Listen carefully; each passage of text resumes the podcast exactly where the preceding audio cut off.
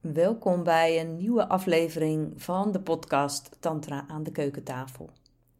Deze keer niet echt aan de keukentafel, want ik neem je mee op reis. Op reis naar Kashmir, een regio in India die heel erg belangrijk is geweest voor het ontstaan van klassieke tantra. In ieder geval de Shaiva of de Hindoe variant. Ik gaf er een webinar over en ik had ook die opname misschien kunnen gebruiken voor deze podcast. Maar ik vond het eigenlijk uh, niet helemaal geschikt, de opname voor ja, zo'n podcast. Daarnaast, uh, ja, wat moest ik met de foto's? Want de foto's waren best wel een onderdeel van het webinar.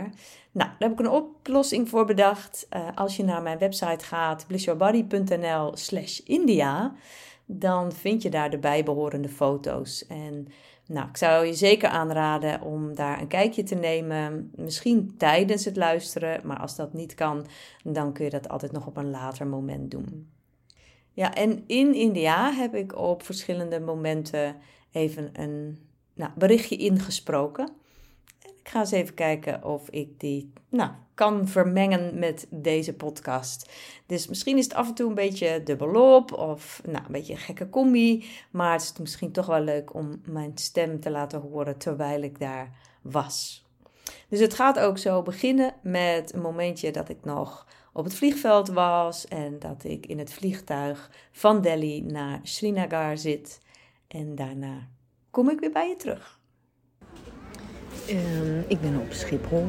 Dit is het uh, begin van mijn India-reis. Afgelopen dagen vond ik het lastig om me op te verheugen. Ik had schuldgevoelens over het vliegen. Ik voelde me verdrietig over de wereld en het klimaat. En ik voelde, ja, daar draag ik nu weer aan bij, aan die problemen. Maar goed, het was geboekt. En het was ook een reis waar ik bij wijze van spreken een paar jaar op gewacht heb. Tot de mogelijkheid er was. En ik moet zeggen, als ik dan nu op Schiphol ben uh, en ik zie de vliegtuigen, dan vind ik het ergens ook altijd wel iets van een kick geven. Het is toch eigenlijk wonderbaarlijk dat zoiets de lucht in gaat. En er zit zo'n power dan achter dat ik dat dan ook alweer heel gaaf vind. Um,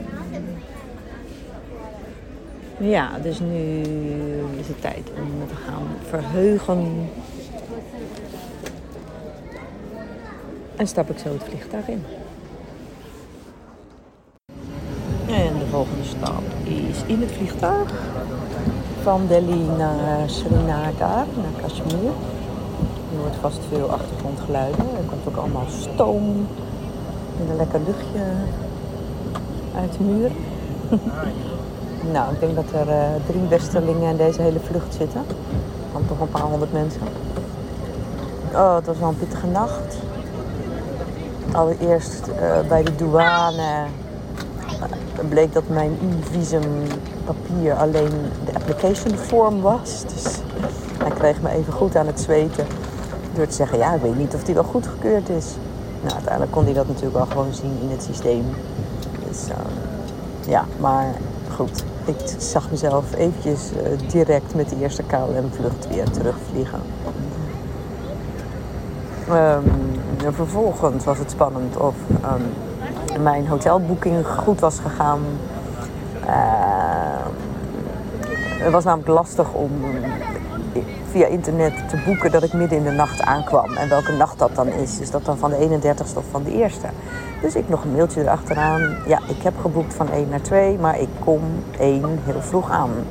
Dus misschien eigenlijk de 31ste, s'nachts. Nou, inderdaad, geen kamer vrij. En eh, nou ja, op zo'n plaatje bij booking.com ziet het er dan allemaal heel mooi en luxe uit. Nou, het slaat echt helemaal nergens op. ik heb de kamers natuurlijk niet gezien, maar het was echt zo'n hotelletje in een achterafstraatje voor 12 eh, dollar kan je ook niet heel veel meer verwachten. Dat was het nog niet eens. 1100 eh, roepies. Nou ja, dus uh, ik met een jongetje die uit bed gebeld werd, volgens mij uit bed gehaald naar een ander hotel om de hoek. Ook geen plek. Slapen de jongens op de bank? Nee, niks. Nou, uiteindelijk bij een derde hotel aangekomen. Daar ook nog een tijdje moeten wachten. Nou, uiteindelijk een oké kamer. Net te doen qua temperatuur met de ventilator. Wel wat geluiden. Ja, ik heb wel echt slecht geslapen. Gewoon iedere keer even in slaap vallen en dan weer wakker worden. En dus, nou, toen terug naar het vliegveld. Daar op een gegeven moment ook een van de andere groepsleden gezien. En nu, ja, wat me opvalt is dat ik dus in Nederland, in een grote stad, in de mensenmassa, me heel ongelukkig kan voelen. En hier tussen de Indiërs heb ik dat totaal niet. Ja, het, ook, ook met z'n allen in zo'n vliegtuig zitten of zo. Ja, mensen zijn ook gewoon heel rustig. Weet je, heel ja, zitten het gewoon uit de tijd. En, en daar is, het is niet zo'n hoge energie. Ik weet niet of het daardoor komt, maar maakt dat ik gewoon tijdens de vlucht relaxed was. Ook al zit zo'n vlucht dan helemaal proppievol. Ik moet wel altijd aan het gangpad zitten trouwens. Anders dan word ik een beetje claustrofobisch. Maar um, ja, en ook hier, ja, ik, waarschijnlijk val ik wel op of zo met blond haar. Maar verder voel ik me dan toch wel helemaal thuis. En merk ik ook dat ik al vaak in India ben geweest. Waardoor je weet dat je gewoon overal een glimlach ophoudt. Overal vriendelijk zijn. Bij de douane, bij de whatever. Maakt niet uit. Vriendelijk blijven lachen. En dan, dan gaat alles op een gegeven moment ook wel gewoon soepeltjes. Behalve dan vannacht eventjes. Haha. Nou, laat maar gaan vliegen. Nou, stel je maar voor dat ik dus nu in India ben. en nou, ik ga je wat meer vertellen over de regio daar. En daarbij besef ik me natuurlijk wel dat als jij zelf al in India bent geweest, dan heb je ongetwijfeld andere beelden in je hoofd tijdens het luisteren dan als je nog nooit in India of een land als India bent geweest. Want ja, de indrukken zijn wel echt heel anders dan in het Westen. En iedereen, denk ik, herinnert zich nog wel de eerste keer om in zo'n land aan te komen. Met name ook als je van een vliegveld komt en dan een taxi ingaat. En al die indrukken in het verkeer. En nou, überhaupt, ja, dat is toch wel echt heel anders en ook heel bijzonder. Dus dat maakt wellicht uit. Of je al ervaring in tantra hebt, en met name ook de klassieke tantra, dat kan ook uitmaken voor, ja, sorry, hoeveel je van, sommige dingen misschien begrijpt. Dat het echt allemaal heel nieuw is. Ja, dan, uh, nou, ik hoop dat je er zoveel mogelijk van begrijpt. En tegelijkertijd ook nog wel even een, een disclaimer. Ik weet gewoon echt niet zeker of ik overal de waarheid spreek, voor zover die waarheid bestaat. Ik bezeer me ook maar weer op bronnen. En ja, zeker als we ja, in de geschiedenis kijken. Wie weet hoe de dingen precies gingen. Een heleboel dingen zijn ook gewoon niet helemaal duidelijk. Nou goed, waar ligt Kashmir? Dat ligt dus in het noordwesten van India, zo tegen Pakistan aan. En het ligt in een vallei tussen hoge bergen. Nou, mocht je de foto's bij de hand hebben, de eerste foto, mm, daar eh, kan je dat wel deels op zien. En ehm, ja, ik vond het bijzonder dat toen ik aankwam, het heel erg bewolkt was. Dus ik dacht, oké, het is hier wel heel groen. Het had namelijk net geregend en veel geregend. En ja, het is wel een hele groene regio, maar ja, die vallei, dat zag ik eigenlijk niet zo. En ik was in eerste instantie ook niet zo van, wauw, dit is echt prachtig. Maar toen de eerste twee dagen, toen trok die bewolking langzaam op. En toen zag ik ineens dat we gewoon helemaal omringd waren door sneeuwbergen. Dus dat we, ja, dan zie je op een gegeven moment wel degelijk dat het in een vallei ligt. Nou, vanaf de eerste eeuwen van onze jaartelling uh, was er eerst veel boeddhisme. Maar dat verspreidde zich langzaam naar uh, andere delen en andere, uh, andere delen van India en andere landen. En het tantrisch shaivisme kwam juist in die tijd op. Nou, over die term, je zou ook kunnen zeggen Kashmirisch shaivisme, dan zal ik zo wat meer vertellen. Maar tussen 800 en 1200 was de klassieke tantra vanuit dus de hindoe-stroming. Je hebt ook boeddhistisch uh, tantra of tantrisch boeddhisme. Dat verdween allemaal zo richting Tibet. Maar die uh, nou, je kan dus zeggen tantrisch shaivisme of shaiva tantra, dat floreerde dus heel erg tussen ongeveer 800 en 1200. Nou, daarna 1300, 1400 kwam er een invasie van een ander geloof, de moslims, vanuit Pakistan. En zij hebben in Kashmir, maar ook in andere delen van India, veel tempels en waarschijnlijk ook geschriften vernietigd. Nou, en daarna krijg je natuurlijk nog in India het Britse kolonialisme, zo van de 18e eeuw tot uiteindelijk de onafhankelijkheid in 1947. Dus er zijn allerlei invloeden geweest. Ehm, en ja, zowel die Engelse invloeden, die zie je natuurlijk nog altijd in India. Veel mensen spreken Engels, er wordt links gereden. Nou, er zullen vast meer invloeden zijn. Maar wat als eerste opvalt in Kashmir is dat het een hele uh, islamitische omgeving is. Dus als je weer nou, naar de foto's zou gaan, dan uh, nou, op die eerste foto zie je als het goed is ergens een gouden koepel van een moskee. En daarna zie je ook een aantal foto's van ja, het, zichtbare, de zichtbare islam, die dus um, ja, 95% van de inwoners in Kashmir is islamitisch. Uh, de eerste dag dat ik er was, toen hadden we nog een vrije dag en onze gids was uh, islamitisch trekt ook al heel lang op met mijn leraar. Dat had ik nog niet eens gezegd. Christopher Wallace of Harish is zijn Sanskrietnaam. Um, daar was ik natuurlijk mee op reis. En hij werkte al heel lang samen met uh, een gids die dus moslim was en ons meenam naar de moskeeën. Dus we hebben twee nou, bijzondere moskeeën uh, bezocht. Ik weet even niet meer wat er bijzonder aan was. Maar, en een van de twee mochten we ook meedoen met het gebed. Dat had ik niet zo uh, verwacht, maar het was het vrijdagmiddaggebed. Ik wist niet dat op vrijdag er ook nog een extra gebed is. Uh, maar dat was er en daar hebben we aan meegedaan. En uh, ja, ik vond dat mooi om, om mee te maken. En, dus dat deden we die eerste dag. Ja, een gebied dus met veel moslims, terwijl de rest van India ja, vooral hindoe is. Ja, in Kashmir is er natuurlijk ook, nou, ik neem aan dat je dat weet, maar misschien ook niet, maar er is gewoon heel lang een strijd geweest tussen Pakistan en India, tussen de moslims en de hindoes. Ja, van wie is dit gebied? Op dit moment is het daar rustig. Dat, dat is ook de reden dat we deze reis konden doen. Dus met name bij de Hindoe-tempels, waar ik natuurlijk zo op kom, daar zagen we veel uh, ja, beveiliging, militairen met grote geweren. Rondom het meer, rond uh, Srinagar, liepen militairen.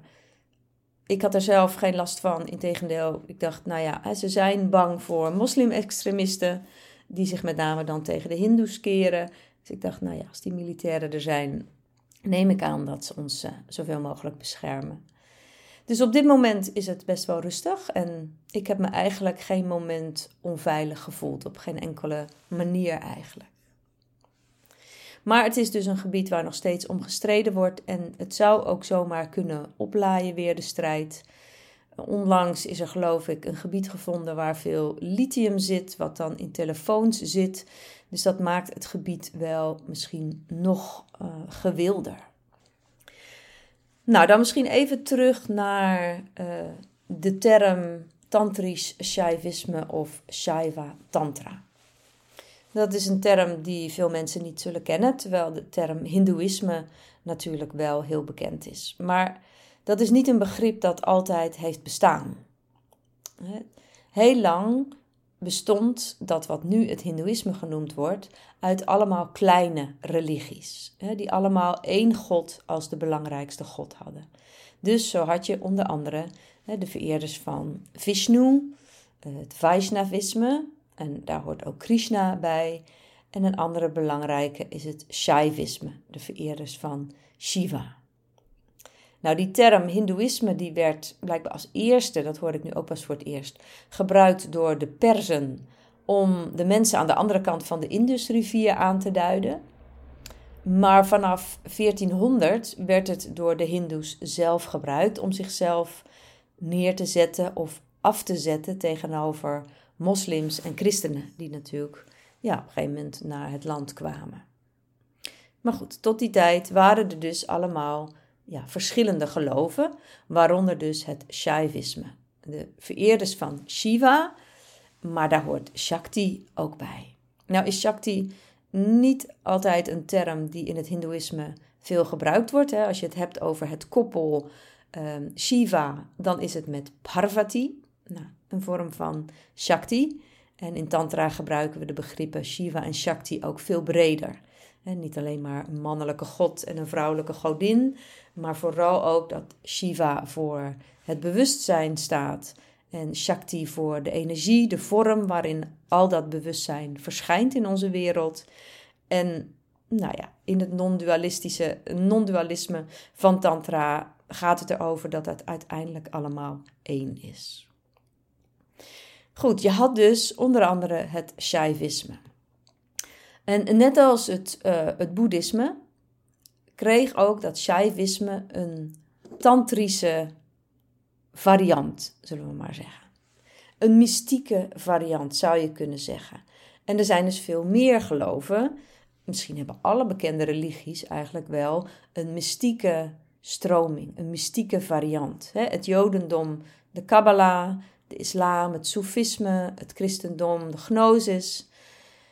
Dus dat betekent, ja, zo'n mystieke variant van een religie zou je eigenlijk wel kunnen zien als een eigenwijze variant. Waarin de persoonlijke beleving van God, de spirituele weg naar binnen, het belangrijkste is. Dus dat gaat over ontdekken dat je zelf de pure kern van het bestaan bent, het goddelijke. En alles en iedereen om jou heen ook.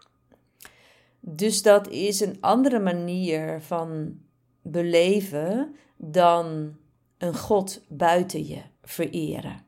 Waarbij dan in de meeste religies ook allerlei regels horen. Dus je hoort je aan bepaalde leefregels te houden en dan komt het goed daarna met je in dat wat er na de dood is.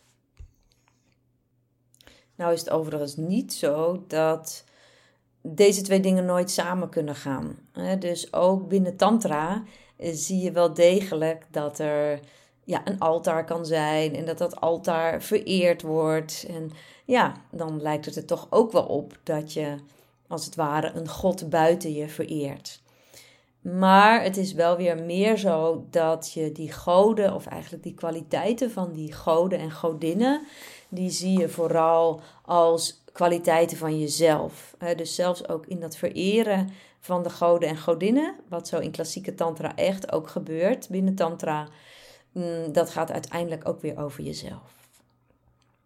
Nou, we kunnen nog meer verschillen eigenlijk aangeven tussen ja, een reguliere religie, zullen we maar zeggen, zoals dat Shaivisme, en tantrisch Shaivisme.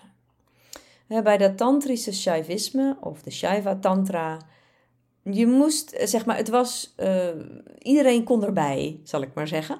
Daar waar ja, de, de echt belangrijke functies in andere religies toch alleen maar voor de mannen uit de hogere kasten waren, stond Tantra open voor iedereen. Dus ook voor vrouwen en ja, voor mensen van alle kasten en klassen. En het was eigenlijk ook zelfs zo dat als je, je echt in, in Tantra stapte, dat je je kasten losliet. Dus dat je kasteloos werd. Maar tegelijkertijd kwam je er ook weer niet zomaar in. Want uh, je moest echt een aantoonbare interesse tonen in zelfre zelfrealisatie, in het spirituele pad.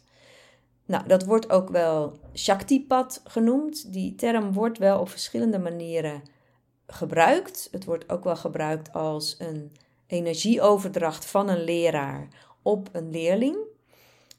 Maar, nou, Christopher Wallace maakt meer dat onderscheid dat hij zegt, nou, dat noem ik Diksha, die energieoverdracht. En een voorwaarde voor Diksha is Shaktipat. En Shaktipat wil zeggen dat je tekenen toont van dat je op het spirituele pad bent. Nou, alleen al het feit dat je eigenlijk bij een leraar aanklopt, is misschien al genoeg. Maar je kunt bijvoorbeeld denken aan dat er wel degelijk een, een gevoel is gekomen van er moet toch meer zijn dan dit. En ik denk dat veel mensen in onze tijd, in onze plek hier in het Westen dit wel herkennen. Van dat er ergens een zoeken ontstaat naar diepgang in het leven, naar een diepere betekenis. Dus dat kon een van de tekenen zijn. Er schijnen nog hele lijstjes te zijn. Maar ook bijvoorbeeld dat er mm, je hart meer open gaat. Dat je vaker ontroerd raakt door dingen. Bijvoorbeeld als je poëzie hoort of iets anders. Dus nou, zo zijn er allerlei tekenen van Shaktipat. Nou, en dan blijkbaar kwam hij dan bij een leraar terecht. Die gaf dan een initiatie als hij vond dat je er klaar voor was, hij of zij. En dan kreeg je toegang tot ja, de speciale tantrische geschriften. Van wanneer heet iets tantrisch? Ja, als het terugkomt in de tantrische geschriften. En ja, heel anders denk ik wel dan vandaag de dag. Ja, kon het dat je gewoon dan altijd bij één leraar bleef en ook misschien maar één geschrift heel grondig bestudeerde. En de leraar had je daarbij ook echt nodig, want de geschriften daarvan moet je allereerst natuurlijk, die zijn geschreven in het Sanskriet of eerst in een andere taal en daarna weer vertaald naar het Sanskriet, dat weet ik niet precies. Maar de meeste tantrische geschriften zijn ook een soort van ja, script, nee, hoe heet dat? Cryptisch, niet scriptisch, maar cryptisch, omschreven. Wat betekende dat je dus echt een leraar nodig had om te snappen wat er stond. Dus dat was allemaal misschien een, best, een beetje geheim. Nou, en kenmerkend voor Tantra is ook altijd geweest dat het behoorlijk, nou, ik zal maar zeggen, tegendraads was. Transgressive, het, het opzoeken van de grenzen. En je moet je voorstellen dat er ook in die tijd, en zeker in die tijd, gewoon ook in de Indiase cultuur en in het mainstream Hindoeïsme of het Shaivisme, gewoon strenge leefregels waren. Van hoe je moest leven, hoe je een goed mens was. En ja, hoe dichter je bij God kwam, net als in veel andere religies, hoe strenger dat volgens mij ook werd.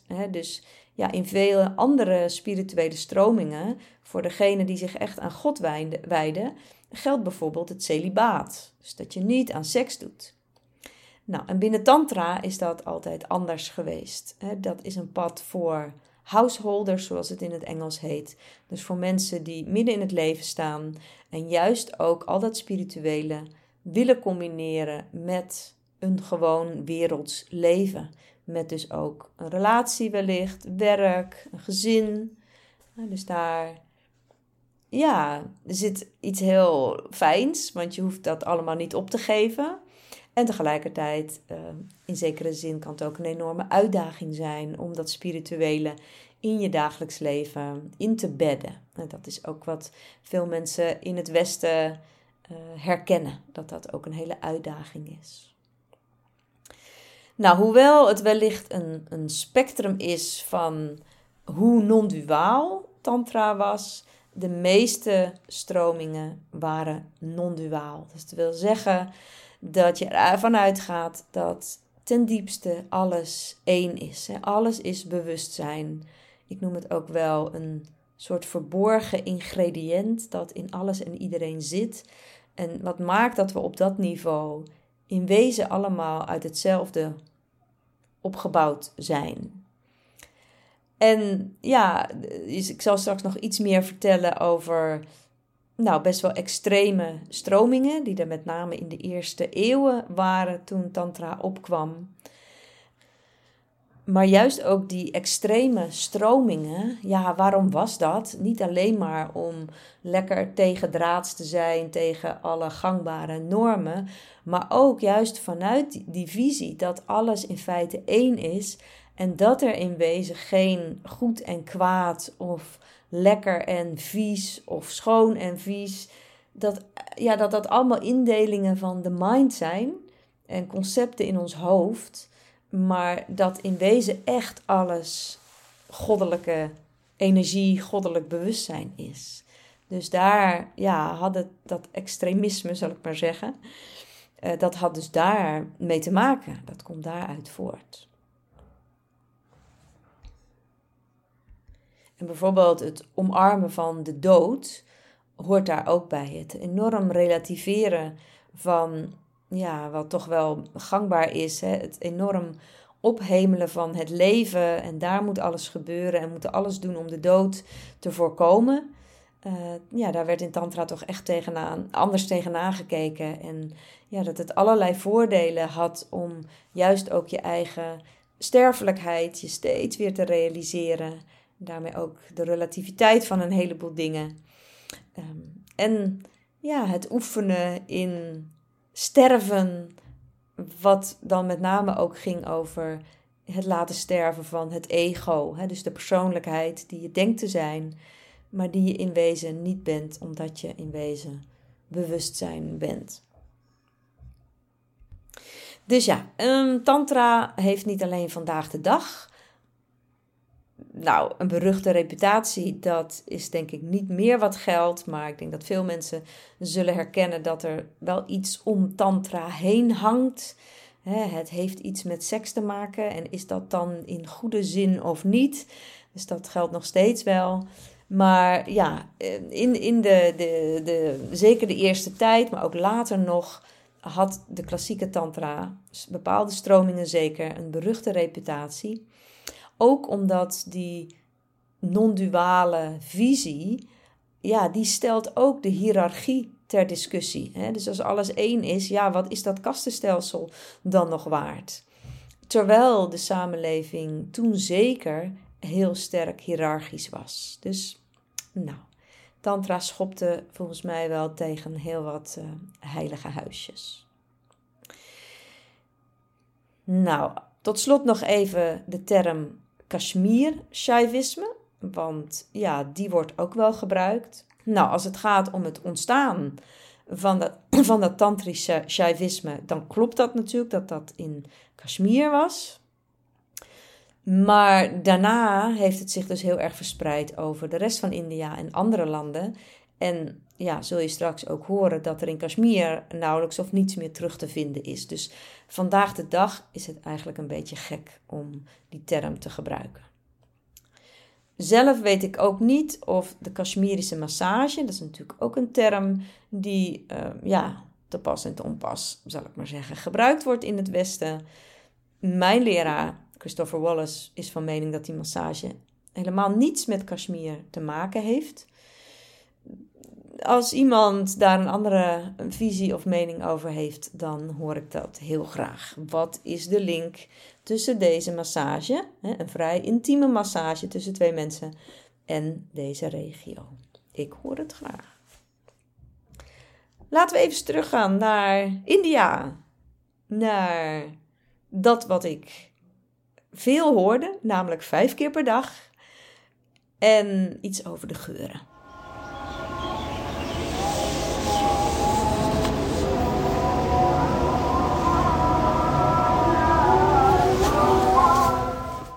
Dat is de oproep tot het gebed. Vijf keer per dag, waarvan twee s'nachts. Een van de dingen die je snel vergeet als je lang niet in India bent, zijn de geuren. Het begint eigenlijk al als je op Delhi Airport aankomt. Dan hangt daar ja, een soort van kruidige geur in de lucht. Uh, niet per se gezond, want Delhi is ontzettend uh, vervuild, heeft een enorme smog. Maar die herken je dan wel gelijk. En volgens mij is het in Zuid-India, in Chennai, hetzelfde. Maar ik zit hier nu in de tuin van het hotel en dan ruik je af en toe een vuurtje dat aangestoken wordt.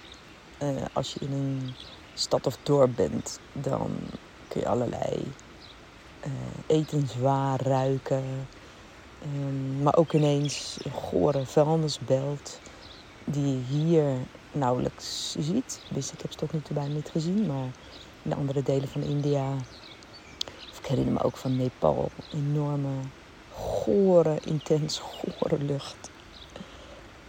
En dan heb je in, in nou ja, de plekken waar veel Hindoes wonen ook nog allerlei wierookachtige geuren die voorbij komen. Dat is hier ook niet volgens mij. Maar um, ja, de zintuig van de reuk doet uh, zeker mee. Terug hier in Nederland. Ja, waarom ging ik deze reis maken?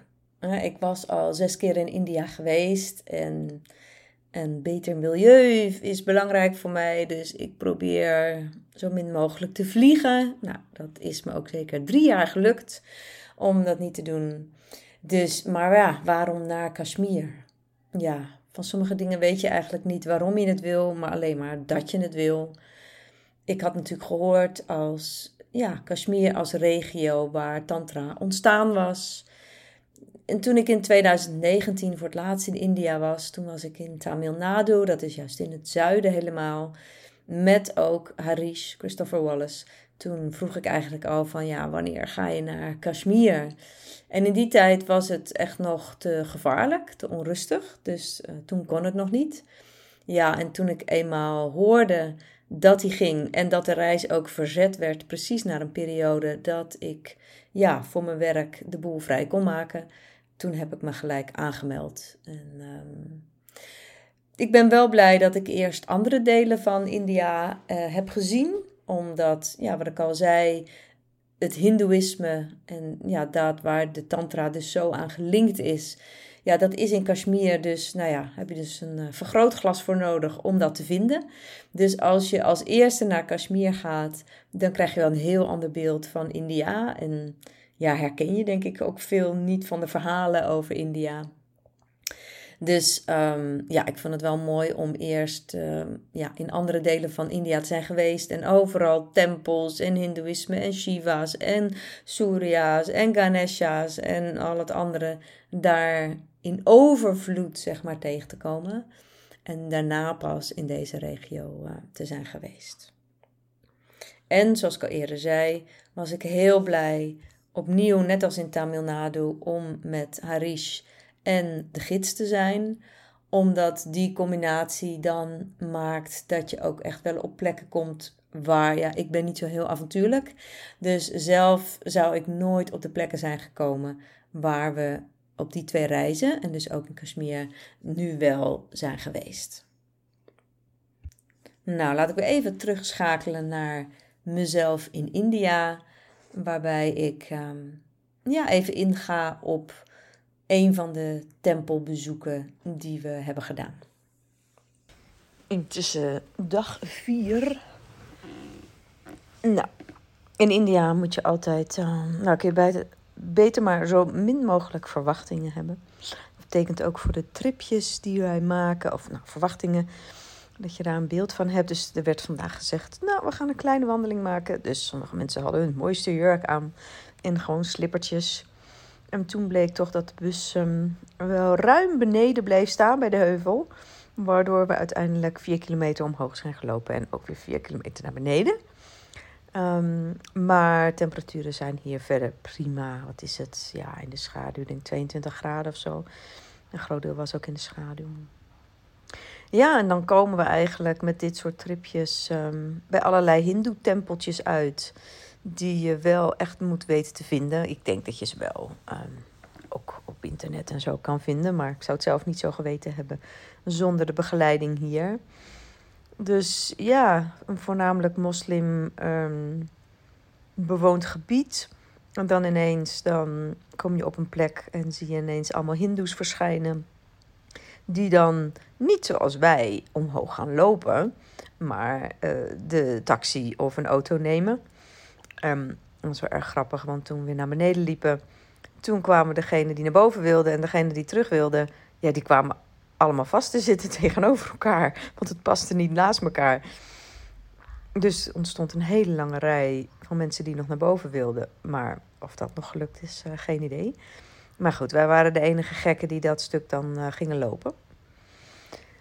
En boven waren er uh, mooie tuinen. En is het een plek waar een van de oudste tantra-goeroes binnen deze stroming, zeg maar, gemediteerd zou hebben heel vaak. Dan moet je dus wel denken aan, um, nou, ik weet even niet over welk jaar we het nu hebben, maar laten we zeggen 1200 jaar geleden. Dan denk je, denk ik dan, hoe, want nu lag er, was er een asfaltweg waar we dan op liepen, wat niet heel mooi was, maar wel heel handig. Maar hoe reisden mensen in die tijd, duizend jaar geleden. Ik heb echt geen idee. Met iets op hun rug dan uh, door de bush omhoog. Nou, ben ik weer terug hier. Want ik zal wat meer vertellen over de dingen die we gedaan hebben. Ja, iedere dag hadden we een, uh, een excursie. Waarbij we vaak twee plekken bezochten. Tempels, Hindoe-tempels, die nogmaals uh, ja, niet voor het oprapen liggen. Dus die moet je weten te vinden. Maar ook plekken, soms ook plekken in de natuur, waar de tantrische leraren van zo'n duizend jaar geleden bijvoorbeeld geschriften doorkregen. Net zoals Mohammed in de islam de Koran doorkreeg.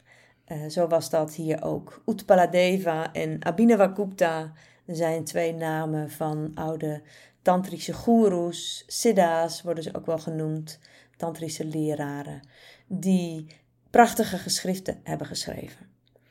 Geschriften die nou, misschien in de kern eigenlijk altijd op hetzelfde neerkomen, namelijk ontdekken dat je zelf het pure goddelijke bent en dat dat in alles en iedereen zit. dus die non-duale visie, die komt eigenlijk op allerlei manieren terug.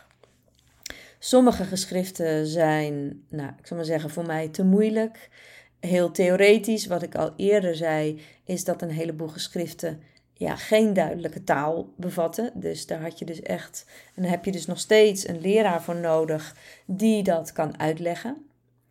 Maar er is ook poëzie en er zijn ook hele praktische uh, meditaties en practices die beschreven worden. Dus de Vijnana Bhairava Tantra, daarvan is de auteur, of daar is geen menselijke auteur van bekend. dat is ja, doorgegeven door de goden als het ware en niet bekend wie dat heeft opgeschreven. Nou, dat geschrift bestaat uit 112 behoorlijk praktische technieken. Ook daar heb je de uitleg van een leraar nodig om te snappen wat er bedoeld wordt. Maar dat is dan een geschrift waar ik heel goed mee uit de voeten kan, omdat het zo uh, praktisch is. Nou, wat opvallend was, een belangrijk verschil tussen wat ik meemaakte uh, bij de tempelbezoeken in Zuid-India en dan hier in Kashmir, is dat in Zuid-India wonen dus zo ongelooflijk veel Hindoes. En de, deze ja, devotees, zoals ik ze maar even zal noemen, die gaan naar zo'n tempel dagelijks vaak vanuit hun geloof, vanuit, ja, ze willen de goden eren. En daar zie je een zekere, ja, wat is het woord? Nou, devotie, maar ook een soort van vastberadenheid. Ik herinner me nog dat we dan, als we heel vroeg waren, ja, dan komen er overal mensen vandaan. En die, ja, die gaan heel doelgericht naar die tempel. Die, als er een rij is, gaan ze in de rij staan. Soms is dat heel erg druk met heel veel lawaai. Ze doen hun dingetje en daarna gaan ze weer verder met hun werk of alle andere dingen die ze doen. Dus die zijn daar ja, heel erg. Ik kan het Nederlandse woord even niet meer bedenken. Devoted in. Nou, in Kashmir zijn de meeste mensen moslim. Dus de Hindoes die we tegenkwamen, dat leken over het algemeen toeristen te zijn. En waar zie je dat aan? Ja, die hebben een hele andere manier van naar zo'n tempel gaan. Dus die hebben een veel langzamer tempo. Die dragen ook ja, moderne westerse kleding vaak. Niet altijd, maar wel vaak. Ze maken overal foto's, ze maken overal selfies. Het gaat allemaal veel langzamer. Dus dat is echt wel anders. En over foto's gesproken, ja, ik heb dan altijd zo'n idee van, ook bijvoorbeeld in een moskee, god, daar zullen ze toch wel geen mobieltjes toelaten en zo en niet fotograferen. Ja hoor, wij mochten gerust alles fotograferen. En ja, ik zag een moslima die begon aan het gebed in haar eigen tempo. Het was geen gezamenlijk gebed. Ja, die telefoon die ging, die nam ze op nam even een gesprekje, legde de telefoon weer neer, ging verder met het gebed. Dus dat vond ik dan wel grappig. En ook in de Hindoe-tempels, ja, op veel plekken stond dan wel niet fotograferen, niet fotograferen. Ja, dan waren er in onze groep een paar mensen met lef en die gingen dat toch doen. En er waren ook Indiase mensen En dan werd er soms even gezegd: nee, please, please, no pictures. Maar het werd uiteindelijk gewoon toegestaan. Dus blijkbaar, nou ja, ik weet nog wel in Zuid-India, in Tamil Nadu, daar werd ons echt wel gezegd van ja, de inner shrine, echt helemaal het binnenste van de tempel waar je de god of de godin zeg maar ziet, dat zou je echt niet moeten doen. Hebben we ook niet gedaan toen. Ehm, maar op heel veel andere plekken kun je dus gewoon wel fotograferen. Nou, een andere indeling, en als je nog weer terug zou gaan naar de foto's op mijn website, dan zie je vaak wel een indeling tussen tempels waar Shiva wordt geëerd en waar Shakti wordt geëerd. Nogmaals, het woord Shakti kom ik in het Hindoeïsme niet echt tegen. Dan zijn er weer andere namen voor godinnen. Het zal vast ook wel eens gemengd zijn, maar ik heb vooral gezien, en je ziet dus verschillende foto's met Shiva Lingams, waaronder ook een yoni zit. Dus ja, de Shakti is daar ook aanwezig. En in andere tempels weer heel erg de godin, waar dan ook vaak weer wel ergens een Shiva te vinden is, maar een van de twee staat dan meer centraal. Ik kon zelf ook wel een verschil voelen. Uh, niet altijd, maar ik herinner me wel, als je die grote zwarte Shiva Lingam ziet, dat in die tempel wel voor mij een enorme gegronde rust voelbaar was. Terwijl op andere plekken met de godinnen het allemaal meer levendig voelde. Dus ja, dat klopt dan voor mij wel met Shiva, die voor bewustzijn staat, het stille bewustzijn, the ground of being, de ondergrond eigenlijk van alles. En dan de Shakti, die staat voor de energie, eh, voor de beweging, voor de vorm. Um, ja, wat zie je op de foto's nog meer? Ik zelf ook eventjes spieken. Hmm. Ja, je ziet ons ook naar boven lopen. Nou, daar had ik al iets over gezegd. De ingang van de tempels, de Shiva Lingams. Ja, en dan zie je een bijzondere tempel. Een van de tempels die dus verwoest is, is die tempel waarin je bomen ziet. En ja, die bomen die waren blijven staan. En uiteindelijk hebben ze dan daar een tempel omheen gebouwd. En als je dan die tempel inliep, dan kun je het ook zien. Dan kun je zo zeg maar tussen die boomstammen kon je rusten. Dus dat was heel mooi. Um, of het altijd de bedoeling is om daar zo te zitten, weten we niet. Maar precies op het moment dat wij vertrokken, kwamen er uh, soldaten aan, mannetjes van het leger. En die hadden ons dat waarschijnlijk niet toegestaan. Nou, daaronder zie je nog een Kundalini-slang. Daar hoort dan eigenlijk ook een Shiva Lingam in te staan. Die was er nu niet. Maar dan ook een, een soort oranje rots. Ja, daar was dan ook weer het verhaal dat de godin, als het ware, in de steen, in de rots zit. Ja, en de Hindoes hebben dan allerlei rituelen van het insmeren met oranje poeder. En dan op een ander moment er, dat allemaal weer eraf spoelen. Wat dat betreft ja, bestaat uh, het Hindoeïsme.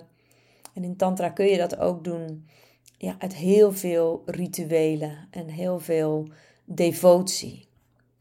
Nou, en dat is tegelijkertijd ook iets waar ik wel moeite mee had en misschien nog steeds. Ik ben zelf niet religieus opgevoed. En onze cultuur kent dit toch ook niet zo. We hebben toch ook een sterk geloof in ons ego. En dus het, het ja, iets hogers eren en daar vol devotie ingaan. Nou, ik merkte ook toen daar dat ik daar wel een zeker ongemak bij voelde. Uh, en ook dat ik er dan niet iets bij voelde in de zin van, oh mooi en bliss. En misschien ook wel ergens een gevoel van cultural appropriation. Van God Jezus, dan zitten wij dan hier als ja, vooral een blanke groep. Gaan we ook dit soort rituelen doen? Nou is mijn leraar al van jongs af aan daarmee opgegroeid. Dus nou, van hem kan ik het dan wel hebben of zo. Maar voor mezelf voelde raar. Maar goed, we hadden ook een aantal uh, Indiase hindoe-mannen in de groep. En op een gegeven moment vroeg ik wel aan een of twee van hen van ja, hoe is dat dan voor jullie? voel jij daar dan iets bij? Nou, en die hadden alle twee zoiets van: nee joh, uh, ik voel helemaal niks speciaals. Maar ja, ik ben ermee opgegroeid. Ik heb trouwens ook een tijd gehad dat ik er weerstand tegen had. Maar ja, we doen het, want je weet maar nooit. Levert iets moois op. Dus daar, um, ja, het, het, verschil tussen geloof en uh, bijgeloof, dat weet ik dan ook niet zo. Maar ja, het, het kan natuurlijk per persoon heel erg verschillen. Er zullen ongetwijfeld mensen zijn die hier dus heel veel bij voelen. En dat diep in hun hart, nou, hun hart barst open als ze dit doen. Maar het zou heel goed kunnen dat een heel groot deel van de mensen ja, dit doet vanuit het idee van ja, zo heb ik het geleerd. En wie weet, ja, brengt het me ooit iets goeds. Dus toen ik dat eenmaal gehoord had, toen kon ik er eigenlijk ook wel meer in ontspannen. En ben ik het uiteindelijk ook weer meer mee gaan doen. Nou, je ziet nog een Ganesha. Uh, ook natuurlijk op veel plekken een bekende god die je tegenkomt. En daaronder zie je dan een familie die een offer doet. Dus ja, je ziet ze boven het water, maar zij kijken dus naar dat wat je rechts ziet. Dus dit was dan ook weer zo'n plek waar allerlei toeristen kwamen. En dan is er een ritueeltje. Er zit een pandiet, een priester. En die, die murmelt van alles. En dan krijg je rozenblaadjes en je krijgt melk. En ja, allemaal ten behoeve van het goede. Hè? Echt een geloof in de kracht van de goden. En die wil je dan, ehm, eh, hoe zeg je dat? Tevreden stellen is niet helemaal het goede woord, maar iets in die richting. Nou, deze foto's zijn grotendeels niet van mij. Er waren een paar erg goede fotografen in de groep, dus die hebben deze foto's gemaakt. Daaronder zie je dan zo'n plek in de natuur waar um, geschriften onthuld zijn. Dus de Shiva Sutra's zijn een bekend geschrift, een van de eerste ook wel, heb ik begrepen. Nou, in het midden zie je de Mahadeva-berg en het verhaal gaat dus dat in een rots daar, en we vermoeden dat het de rots is waar je ons links en rechts op ziet zitten, dat daar die geschriften uh, onthuld zijn. Aan wie? Mm, Vasagupta was ook weer zo'n guru. Uh, ja. Dus het was ik denk zo 800, 900 na Christus. En in die tijd, dus van 800 tot 1300, ontstonden er allerlei geschriften. Daarna vertrok het uh, tantrisch shaivisme dus uit de regio. Nou, er waren wel uh, ook dan nog daarna leraren, maar daar hebben we het eigenlijk niet over gehad. En het lijkt ook allemaal wel wat kleiner te zijn. Een ingewikkelde periode. En dan krijg je in de 20e eeuw krijg je ineens Swami Lakshmanjo, die het weer helemaal oppakt en ook ja, uiteindelijk ervoor zorgt, volgens mij, dat uh, het allemaal weer bekender wordt, het tantrisch shaivisme. En uiteindelijk is het dus ook nu steeds meer in het Westen bekender geworden, omdat ook universiteiten in het Westen hun best doen om de geschriften te vertalen. En Alexis Sanderson is een man op leeftijd volgens mij al in Amerika, die zelf geen tantrika is, maar dus wel vanuit de wetenschap eigenlijk zijn hele leven hier helemaal aan wijdt, aan het vertalen van zoveel mogelijk geschriften. Dus ik noemde al de Shiva Sutra's, Spandakarika, de Recognition Sutra's, de Vijnana Bhairava Tantra, Tantra Loka, Tantra Sara. Nou, Velen van jullie zal dit helemaal niets zeggen. Uh, maar als je je een beetje erin verdiept hebt, dan herken je misschien een paar van die uh, termen. En nogmaals, waar gingen die geschriften allemaal over? Over zelfrealisatie. Over um, ja, het herkennen van dat wat je werkelijk bent. Bewustzijn in de vorm van een bepaalde energie. Maar Alleen dat herkennen is in feite niet genoeg in die klassieke tantra. En die devotie, waar ik nu al over verteld heb, die is dus ook nodig. En ja, dat is dus wel een lastig dingetje voor, nou, een beetje voor mezelf nog altijd, maar voor veel Westelingen bijvoorbeeld. Hè? ja, het vraagt een zekere nederigheid. En die nederigheid is ook echt een voorwaarde op dit pad. Hè, dat je ja, het ego laat sterven en ja, het verhaal rond je ego en je persoonlijkheid echt kunt laten gaan. Maar er wordt wel gezegd dat devotie een combinatie is van liefde en reverence, eerbied, verering. voor jezelf, voor anderen, voor de goden. Dus dat is nog wel, denk ik, een uitdaging. En ja, ik denk dat dat voor veel mensen in het Westen, nou voor sommigen gaat het misschien nooit klikken. En voor anderen kost het wel echt tijd om daar je mee te kunnen verbinden. Hè? Ook als je in mijn workshops een altaar ziet, ja, in hoeverre voel je daar iets bij? En in hoeverre, als je iets offert aan het altaar of aan de goden op het altaar, ja, kun je dat met devotie doen. En tegelijkertijd heb je dus gehoord dat Hindoes het soms ook maar gewoon doen omdat ze het doen in de hoop dat het wat oplevert. Dus zo zou je het ook kunnen zien. En met die zelfrealisatie, nou ja, uiteindelijk gaat het erover dat er steeds minder, ja, in het Engels noem je dat self-referencing is. Dus ja, steeds minder je identificeren met je verhalen over jezelf, uh, over wat anderen van jou denken, wat jij over anderen denkt. Maar steeds meer kunnen gaan ervaren dat alles bewustzijn is en alles in feite één. Het herkennen van de beloved met een hoofdletter B in, in alles. En als het goed is, gaat het uiteindelijk over een, een shift.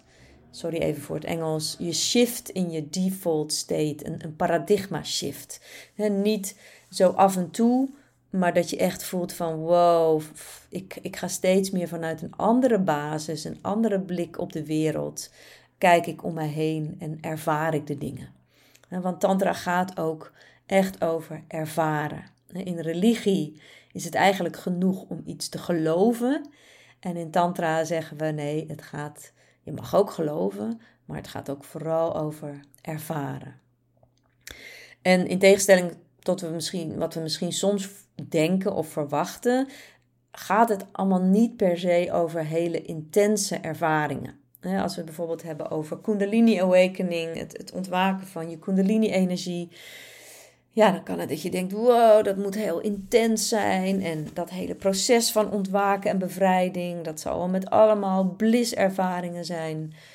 Ja, dat ligt er maar net aan wat je onder bliss verstaat. Maar uiteindelijk, ja, sorry voor al die bliepjes, mijn mail staat blijkbaar aan.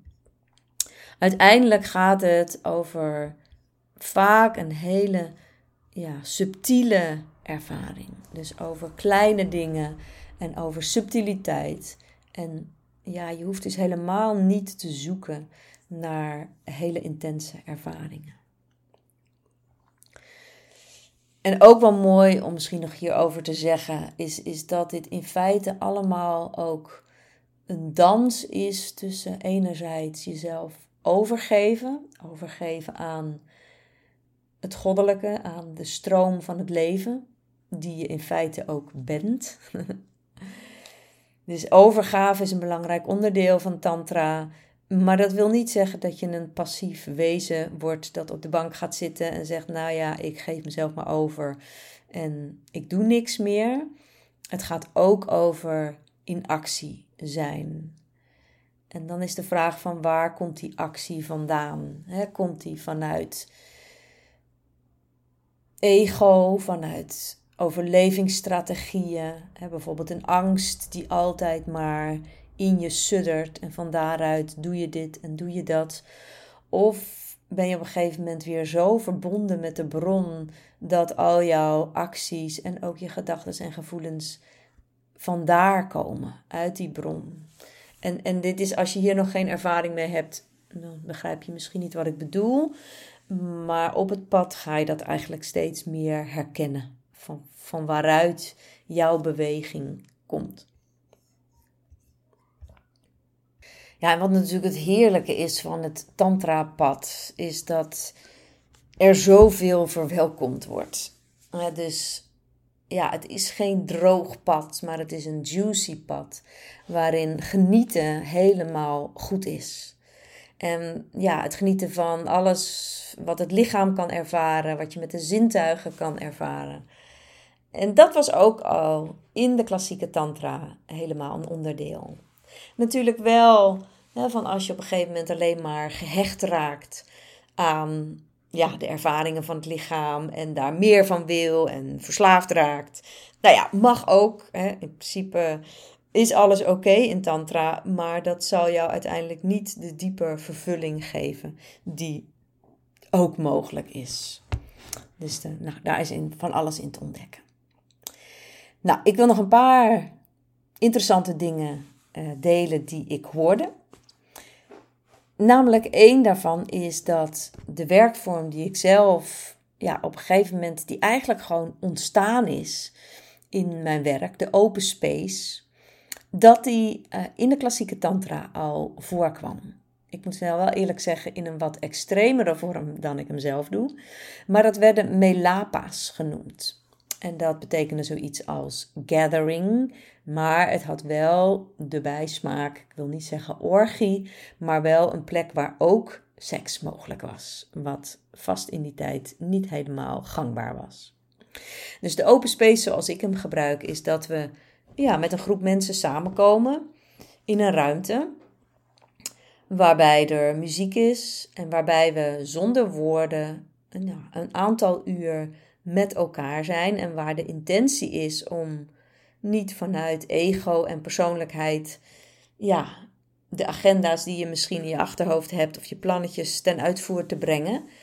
Maar ja, af te stemmen op de bron en te kijken wat er in alle spontaniteit wil ontstaan.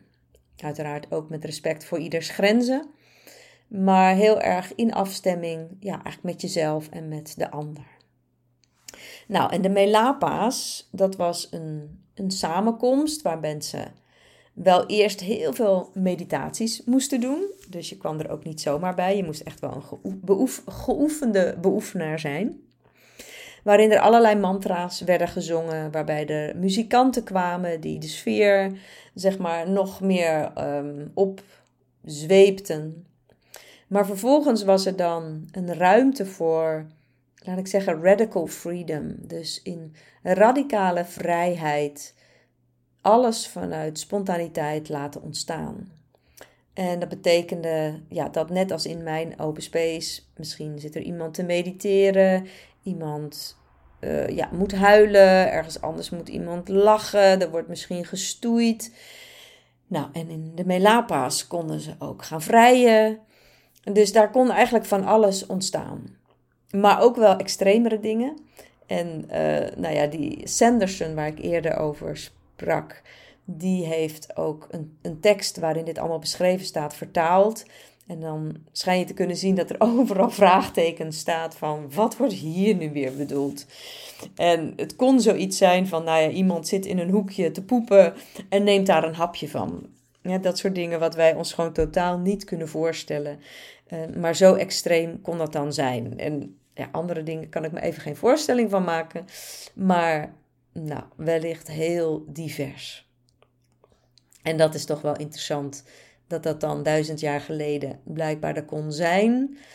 Ja, en nu, ja, natuurlijk zijn er ook in onze cultuur samenkomsten waar mensen seks met elkaar hebben. Ik denk niet nadat ze urenlang gemediteerd hebben en mantra's hebben gezongen, maar who knows.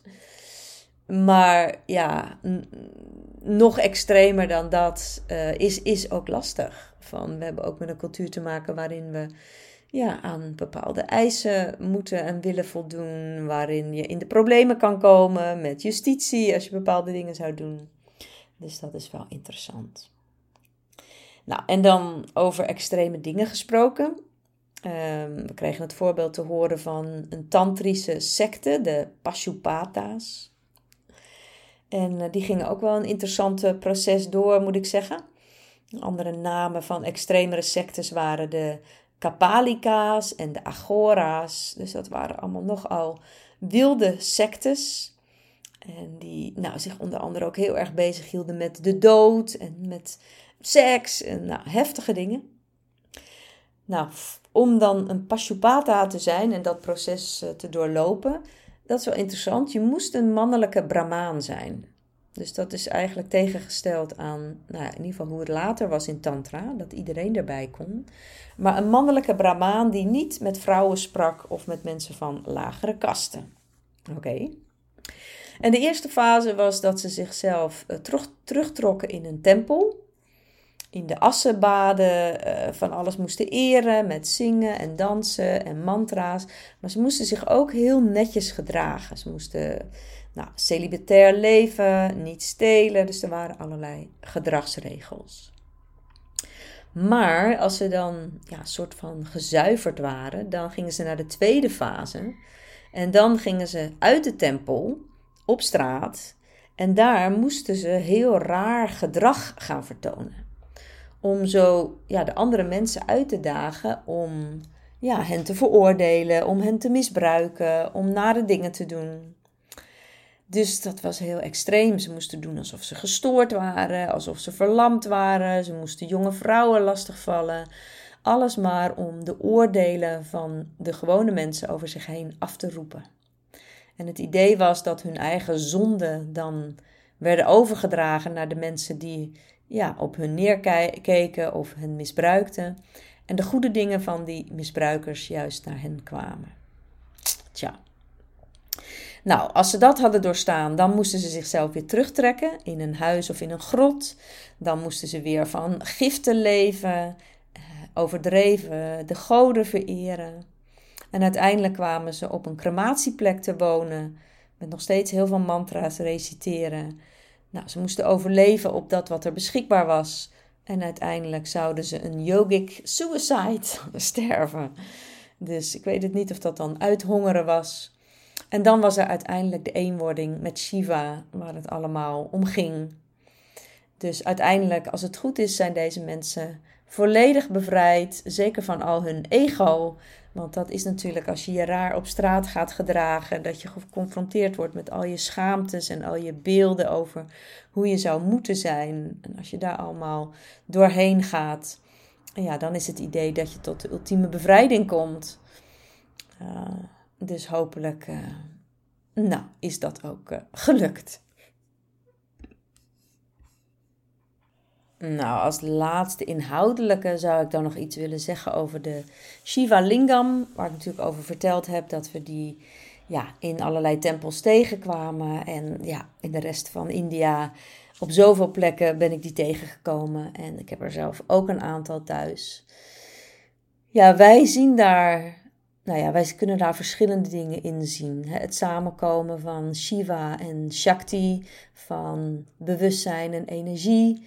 Maar je kan natuurlijk ook heel makkelijk de seksuele eenwording daarin zien. En ja, op een gegeven moment werd de vraag wel gesteld van, ja, hoe de mensen in India, de Hindoes, zien, dat er ook, zien zij dat er ook in? En daarvan was Harish toch wel van mening dat de meeste Hindoes dit niet zien als een, een symbool, als een seksueel symbool. En ook de melk en alles die er overheen gegoten wordt, niet als sperma zien. Ehm, maar dat het gewoon staat voor Shiva als een icoon. dus ja, je mag ervan uitgaan dat de meeste Hindoes dat dus er niet in zien. Maar van oorsprong was het wel degelijk ook Ehm, ja, echt een symbool voor de penis en de vagina. En er was ook een tijd dat, het, dat de lingam, die nu vaak gewoon een soort van rechte pilaar is, dat het meer de vorm echt van een penis had. Of dat er een lijntje getekend was om de overgang van de huid naar de eikel aan te geven. Maar vanaf de middeleeuwen schijnt dat niet meer ja, te zijn voorgekomen. Dus gewoon een rechte pilaar. Maar er zijn wel degelijk bewijzen dat dit nou ja, eerder de vorm van een penis had. En dat dat seksuele, zeker in de komst, met de komst van Tantra, dat die seksuele eenwording daar wel in gezien werd.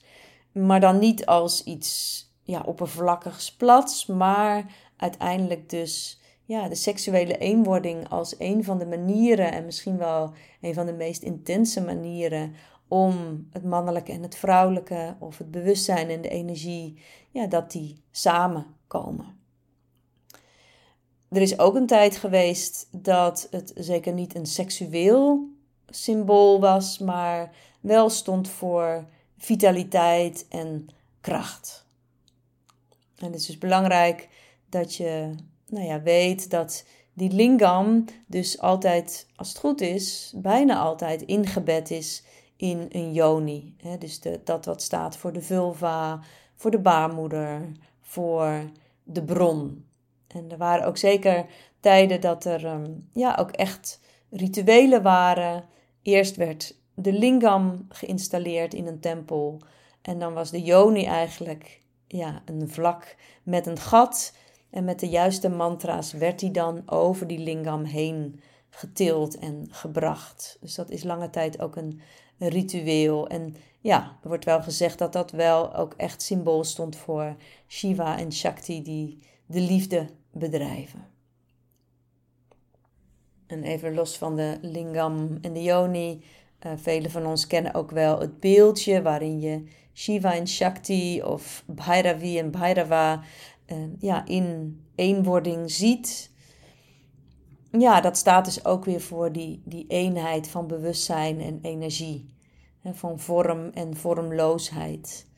En ja, wie weet dat de seksuele eenwording, wat ik net al zei, een makkelijke manier is om je hiermee te verbinden. Dat veel mensen momenten kennen in het vrije, in de seksuele samenkomen van ja, volledig samensmelten en, en één zijn.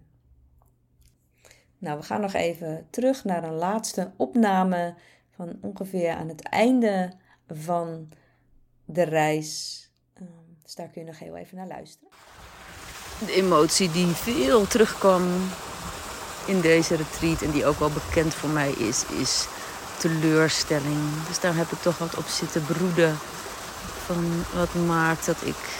Nou ja, ik ben ook heel vaak tevreden trouwens. maar ik ken ook wel. Ehm, ja, het gevoel van ja, blijkbaar een verwachting hebben. En ook misschien wel een vrij hoge standaard hebben. Ja, en als dat niet uitkomt, dan is er teleurstelling. En dan ontdek ik dat ik dan toch vrij snel de neiging heb om uh, een bepaald beeld te hebben van ja, op die en die manier is het goed. Het moet op zo en zo manier gaan. Of de ander moet zo en zo zijn.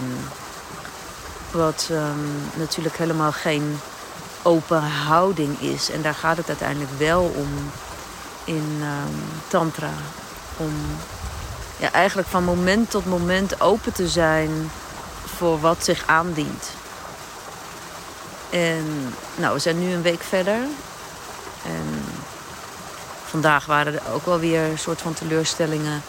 Maar uiteindelijk gebeurde er wel iets. Ik denk ook wel omdat ik zelf gewoon het initiatief nam tot een danssessie, omdat ik dat zo miste. En daarna kregen we onverwachts cacao, rauwe cacao. Dat vond ik echt leuk. En daarna was de satsang ook wel anders dan anders. Er gebeurde meer in mensen, er kwamen tranen. Dus um, ja, nu voel ik wel ook echt wel die openheid naar whatever, nou ja, wat zich ook aandient. Dus ik zit nu in de duisternis buiten bij de fontein. En um, heldere lucht, een hele duidelijke ster. Wat is dat dan? Die staat in het westen. Geen idee. Geen maan nu. We hebben al een volle maan gehad aan het begin van de week. Heerlijk briesje. Volgens mij temperatuur hetzelfde als in Nederland of zelfs nog iets koeler. En uh, ja, morgen de laatste dag. We hebben de tripjes gehad. Dus morgen wordt integratie. Ja, ik heb het helemaal losgelaten om, om andere werkvormen of zo in de sessies, in de satsang in te brengen. Ik, eh, wat er lekker is, is dat je als, als je het zat bent om te zitten, dan ga je gewoon lekker yoga doen op de grond. Dus dat maakt het dan ook wel helemaal prima draaglijk. En, en wat ik ook nog wel eens kan hebben, is dat ik heel erg met de tijd bezig ben en hoe lang iets duurt. En dat is hier ook helemaal weggegaan. Dus dat is wel heerlijk. Dus ja, wat mij betreft zitten we drie uur. Dat maakt me ook niet zoveel meer uit. Dus dat is wel heerlijk om uh, te merken. Ja, en toen bleek het toch nog niet helemaal het laatste uitje te zijn geweest. Want op de eerste dag waren we naar de ashram geweest van Swami Laxmanjo. Daarvan zie je ook een foto. Uh, je ziet ook een foto van het bordje naar de ashram. En dat, ja, Laxmanjo was dus de laatste bekende Tantra Shaiva guru. Die dus tot, hij stierf in 1991, volgens mij. En ja, deze ashram bestaat dus nog steeds in Kashmir, in Srinagar. Kun je ook verblijven, hè, terwijl wij daar waren. Er waren ook allerlei westelingen die daar waren om te mediteren en ja, werk te doen voor de ashram. En als verrassing bleken we op de laatste dag uh, terug te gaan naar die ashram. En toen was er iemand, Pranji, een man, die zie je ook op de foto, die officieel geen aangewezen guru of opvolger is, maar misschien onofficieel toch wel een beetje. En hij gaf een satsang, dus wij mochten naar hem luisteren en vragen te stellen. En dat raakte ons allemaal enorm. Het, ja, hij vertelde met zoveel liefde over het pad. En als hij vertelde dat alles in feite liefde is. En wat zei die alles gaat over nederigheid, liefde en compassie. En dan vertelde die over Laxman Joe, die hij zo lang heeft meegemaakt, of over het pad, of over van alles en nog wat. En de tranen, ja, die stroomden af en toe over zijn wangen. En nou, het was heel erg dierbaar. Dus dat was een hele mooie afsluiting.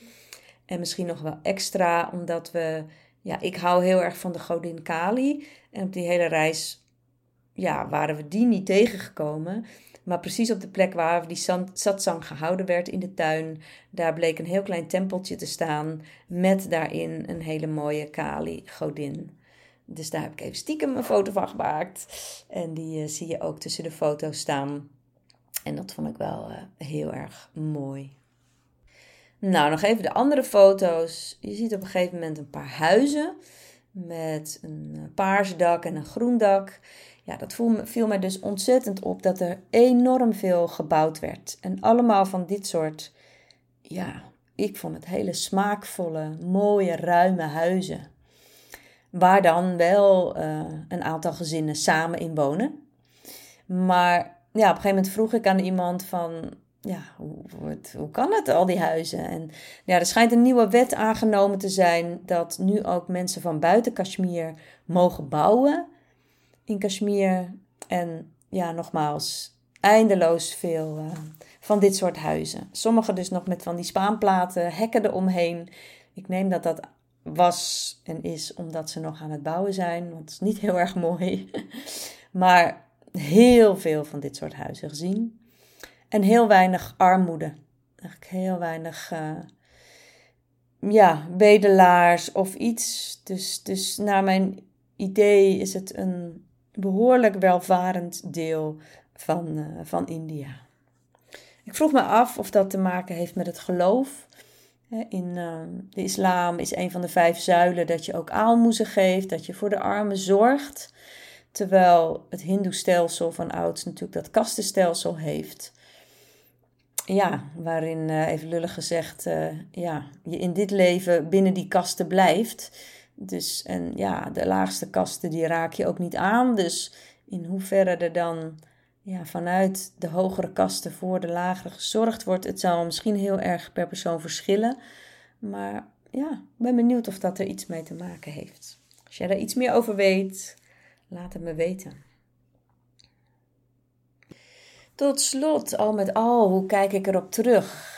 Ja, ik ben heel blij dat ik geweest ben, dat ik een beeld heb van dit deel van India, dat ik uh, al die tempels heb mogen zien, dat ik interessante teachings heb mogen horen, waar ik me nog, nog veel meer in, in kan verdiepen, in die geschriften.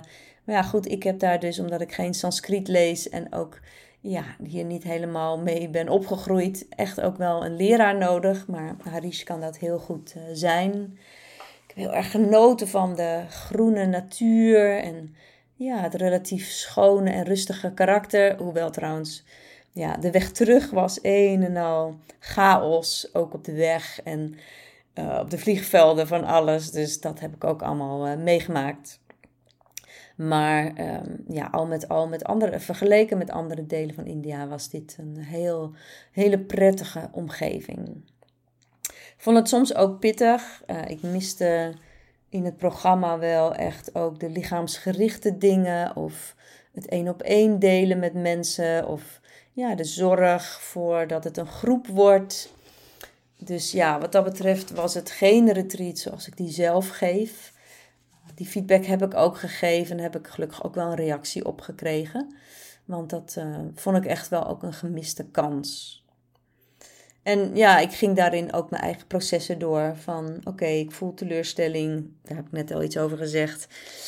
Um, ja, breng ik het in, ja of nee? Of probeer ik het te accepteren? Dus daar heb ik ook zo wel mijn worsteling gehad. En ook wel, ja, hoor ik bij de groep. Dat kan ik dan ook wel weer in zo'n internationale groep net wat meer hebben. Ehm, ja, sommige mensen waren bijvoorbeeld ook heel erg bezig met shoppen. Dan moest iedere keer moesten, weer, ja, moesten er weer stoffen gekocht worden en nog meer spullen en nog meer. Ja, dat is dan niet iets wat mij enorm boeit. Dus ja, ik had ook mijn uitdagingen, maar al met al was het uh, een prachtige reis. Heb ik mezelf op de terugweg nog uh, business class uh, veroorloofd. Dus ik heb niet alleen gevlogen, ik heb ook echt goed gevlogen. Uh, ik sliep er helaas geen minuut beter om. Dat was wel jammer, maar ik vond wel een belevenis. Ik had nog nooit meegemaakt. En het was maar een paar honderd euro extra. Dat was misschien ook omdat de business lounge uh, in Delhi gesloten bleek te zijn. Terwijl ik toch wel vijf uur te overbruggen had. Dat was jammer. Maar goed, ik had leuk gezelschap en een goede klik met de mensen met wie ik terugreisde. Dus uh, we hebben dat prima overleefd. Zou ik het je aanraden om daarheen te gaan? Als je voor de natuur gaat, zeker. Nou ja, tenzij je in Zwitserland woont, bijvoorbeeld. Dan ben je ook wel heel erg gewend aan al die bergen. En dan weet ik niet of het heel veel meerwaarde heeft. Maar zeker als je iemand kan vinden. En ik heb wel een contact waar je, uh, ja, die je zou kunnen contacteren als je iemand vindt die weet waar je moet zoeken en waar je jezelf ook dan gunt om een gids te nemen die jou daarheen kan brengen naar dus die, die hindoe-plekken, ervan uitgaande dat dat je interesseert, ja, dan is het wel heel erg mooi. Um, dus dat zou ik aanraden. Dat je, ja, ik weet niet of je als je in je eentje gaat, of je dan op alle plekken komt. Zeker niet op alle plekken die wij uh, hebben gevonden, want er waren natuurlijk Hindoe dingen. Nou, die vind je vast wel ergens op een kaart. Maar de plekken waar ja, de geschriften zijn onthuld, uh, ja, dat ga je nergens vinden. Dus ja, dat is wel een tip. Mm, en die ashram, nou, op de foto kan je daar de naam van zien dat zou ik zeker aanraden. Dat als je er een spirituele reis van wil maken, neem contact op met die ashram. Kijk of je daar kan blijven. En dan, uh, ja, kun je daar denk ik uh, ook het, het, spirituele stuk wel uh, een stukje proeven. Nou, ik hoop dat dit boeiend was. Ik had vast nog wel veel meer kunnen vertellen, maar dit was wel lang genoeg. Dus. Um, ja, mocht je vragen hebben, opmerkingen, aanvullingen, laat het me weten. Ik ben nieuwsgierig.